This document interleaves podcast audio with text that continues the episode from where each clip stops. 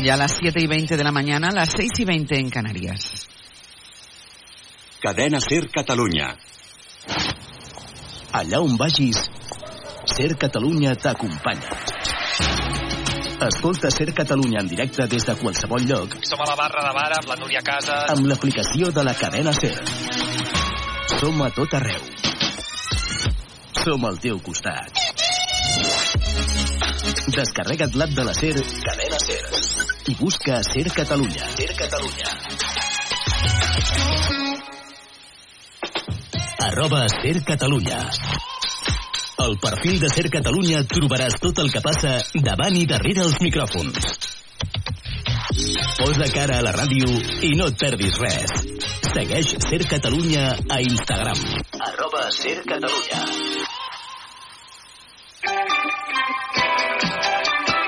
Ser Catalunya. La força de la conversa.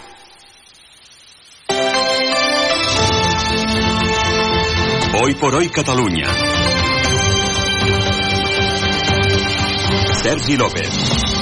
Hola, molt bon dia. El president del govern espanyol, Pedro Sánchez, garanteix que tots els encausats pel procés seran amnistiats. El president es mostra convençut que l'independentisme no és terrorisme.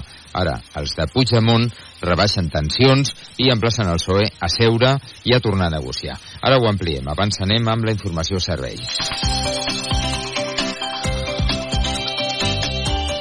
Avui refresca una mica, Jordi Carbó. Ambient una mica fred a aquesta hora del matí. Tenim 10 graus a Palamós, 5 a Falset, 3 a Viella, 2 a Vic. Boires a planes de l'interior, sobretot al Pla de Lleida, així com a l'altiplà de la Sagarra, anirà marxant al llarg del matí. I en el conjunt de Catalunya, divendres força assolellat, amb ambient suau a la tarda, màximes a prop dels 20 graus a la major part de poblacions, superant-los cap a l'Empordà. Per cert, el vent de les últimes hores anirà perdent intensitat. I cap de setmana poques novetats, boira una mica més persistent, més fred a les nits i als matins, més suavitat durant les tardes. Anem ara al RAC a veure com estan les carreteres i les autopistes. Àlex Huguet, bon dia. Molt bon dia, matí de divendres amb cues als punts habituals i per ara sense incidències. Desta- Destaquem dos quilòmetres a l'A2 a Sant Joan d'Espí i Cornellà de Llobregat a l'enllaç amb la B23 en sentit Barcelona. L'accés des de la C58 al Nus de la Trinitat en sentit sud, en general menys ple que la resta de la setmana, igual que les rondes que sí que registren aturades en sentit Llobregat. Ara a la litoral hi ha 3 quilòmetres de cua, sobretot pel Fòrum i la Diagonal Mar, i a la ronda de dalt hi ha cues més enllà del Nus de la Trinitat per les sortides de Roquetes i Canyelles, ara durant dos quilòmetres més. És tot des del RAC, molt bon dia. Bon dia i gràcies, Àlex. Ja és divendres, és 2 de febrer.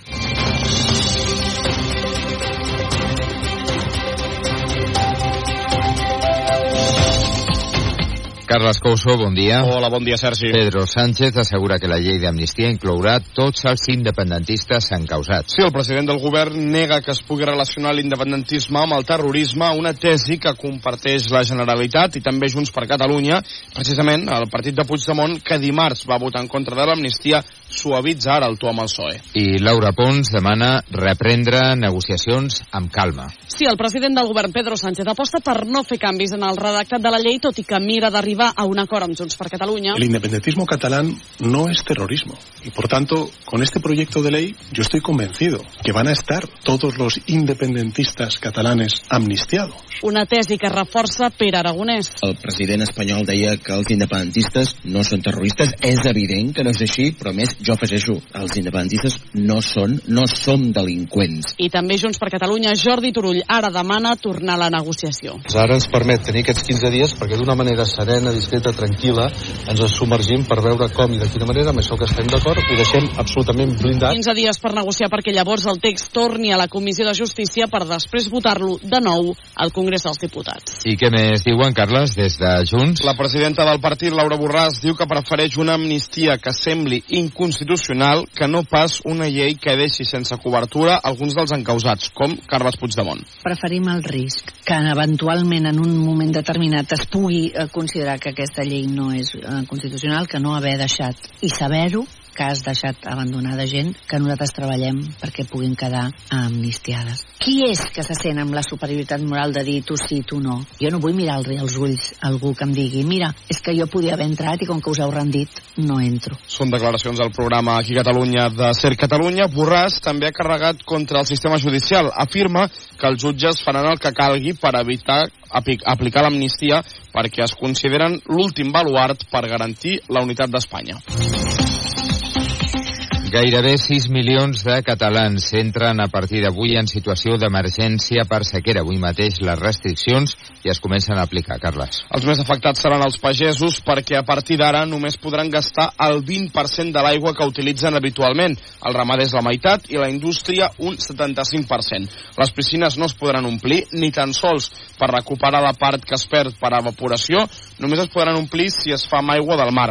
El rec de les zones verdes privades està prohibit i el dels parcs i jardins es pot fer només amb aigua desalada o regenerada. A més, mentre duri l'emergència, la Generalitat també deixa en suspens les llicències per obrir noves activitats econòmiques. Fins a aquest moment, l'Agència Catalana de l'Aigua ha obert un centenar d'expedients sancionadors als ajuntaments que estan gastant més aigua de la que toca. El conseller d'Acció Climàtica, David Mascort, ha dit que continuaran donant ajuts als ajuntaments per modernitzar les seves xarxes de distribució d'aigua per evitar fuites i també ha dit que en els darrers mesos s'han obert això, eh, un centenar d'expedients sancionadors als municipis que, consume, que consumeixen més del que toca.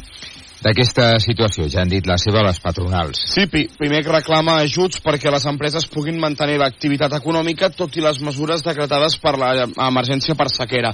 El president de la patronal, Antonio Cañete, demana que les pimes no siguin les més afectades. Tenint en compte de que ens trobarem una diversitat d'empreses en uns possiblement petits de consum d'aigua que amb una mesura general podrien acabar tancant l'activitat econòmica o reduint-la, així com la pèrdua de llocs de treball. La Cambra de Comerç de Barcelona, en canvi, es mostra comprensiva i demana generositat als empresaris. No és fàcil perquè hi haurà moments, i ja estem vivint, interessos contraposats, però jo crec que és obligat per part de tots que siguem valents, que tinguem la generositat de trobar espais de consens el més amplis possibles i que entenguem que això és de màxima urgència. És Pròsper Puig, el president de la cambra. Hoy por hoy Catalunya.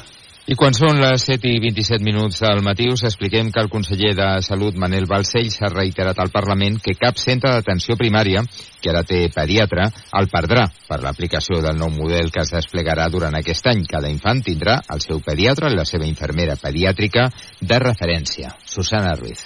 El conseller ho pot dir més alt, però no més clar.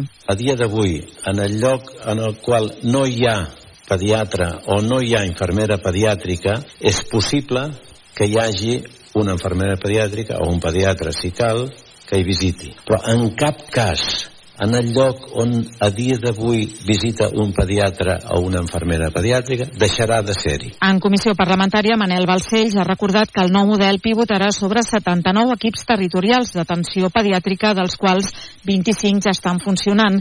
Els equips s'aniran definint segons les característiques de cada realitat territorial, atenent a factors com població infantil, nivell socioeconòmic o transport públic.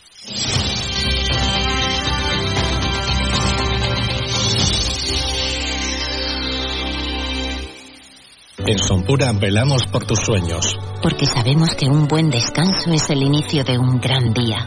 Descubre nuestra gama de colchones. Sonpura, eres lo que duermes. L'ICE, el Congrés Audiovisual més gran d'Europa, tanca portes avui a Fira de Barcelona. En els quatre dies que ha durat el Saló, s'ha parlat també del debat sobre mòbils i pantalles en el món de l'educació. Què diuen les empreses del sector? Gemma Alegrí? N'hi proposen acabar amb les pantalles individuals i substituir-les per una de col·laborativa, altres que volen agrupar portàtils, tauletes i pantalles i connectar-los tots a través d'una aplicació, i encara altres que aposten per convertir les parets de les classes en espais immersius. Substituint, per tant, l'ús de pantalles individuals que aïlla l'alumne del contingut de la classe i que permite hacer clases colaborativas de una forma completamente distinta. Una classe d'història, no?, amb una visita virtual doncs, per unes ruïnes antigues. Són els responsables d'Epson, Samsung i Panasonic, tres de les empreses empreses líders del sector audiovisual. En un altre ordre de coses, Elite Taxi reclama més seguretat pels taxistes. Ho demana arran de les agressions que s'han denunciat en les últimes setmanes. El sector vol que s'instal·lin càmeres de videovigilància als vehicles, tot i ser conscients del problema que es pot obrir amb la protecció de dades. I dels esports destaquem que el Girona, per desgràcia, ja no és líder de la primera divisió després de la victòria del Madrid per 0-2 davant del Getafe. I pel que fa a l'actualitat poliesportiva, l'Espart Girona es va imposar per 83 a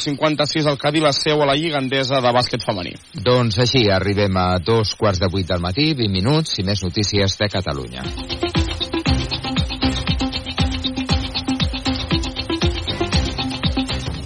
Son las siete y media, las seis y media en Canarias. Hoy por hoy, con Ángeles Barceló. A veces con el calendario se explica todo. Hoy es el día de la marmota y hoy empieza una campaña electoral en España, la de Galicia. Ya saben que la política vive en bloques y en bucles y aquí estamos ante otra campaña electoral. En realidad es campaña ya en Galicia y es precampaña en el resto de los sitios en Europa, a la espera de unas elecciones que serán en junio, pero que ya han puesto a los partidos y a los candidatos a buscar protagonismo con sus declaraciones. Es el caso de la exministra francesa, Ségolène Royal, que se puso a hablar mal del tomate español en un canal de televisión. Contra el tomate ecológico español, que en realidad se somete a la misma normativa que el francés. Eso, que las normas son las mismas aquí y allí en toda Europa, lo ha reconocido incluso el organismo público francés que desarrolla y que promociona los productos ecológicos. Aún así, ella, Royal, hizo estas declaraciones y eso fue lo que llevó ayer a Pedro Sánchez en Bruselas a darle esta respuesta. En respuesta a una crítica, creo que infundada, de la exministra francesa Ségolène Royal, eh, criticando el tomate español, creo que la señora eh, Royal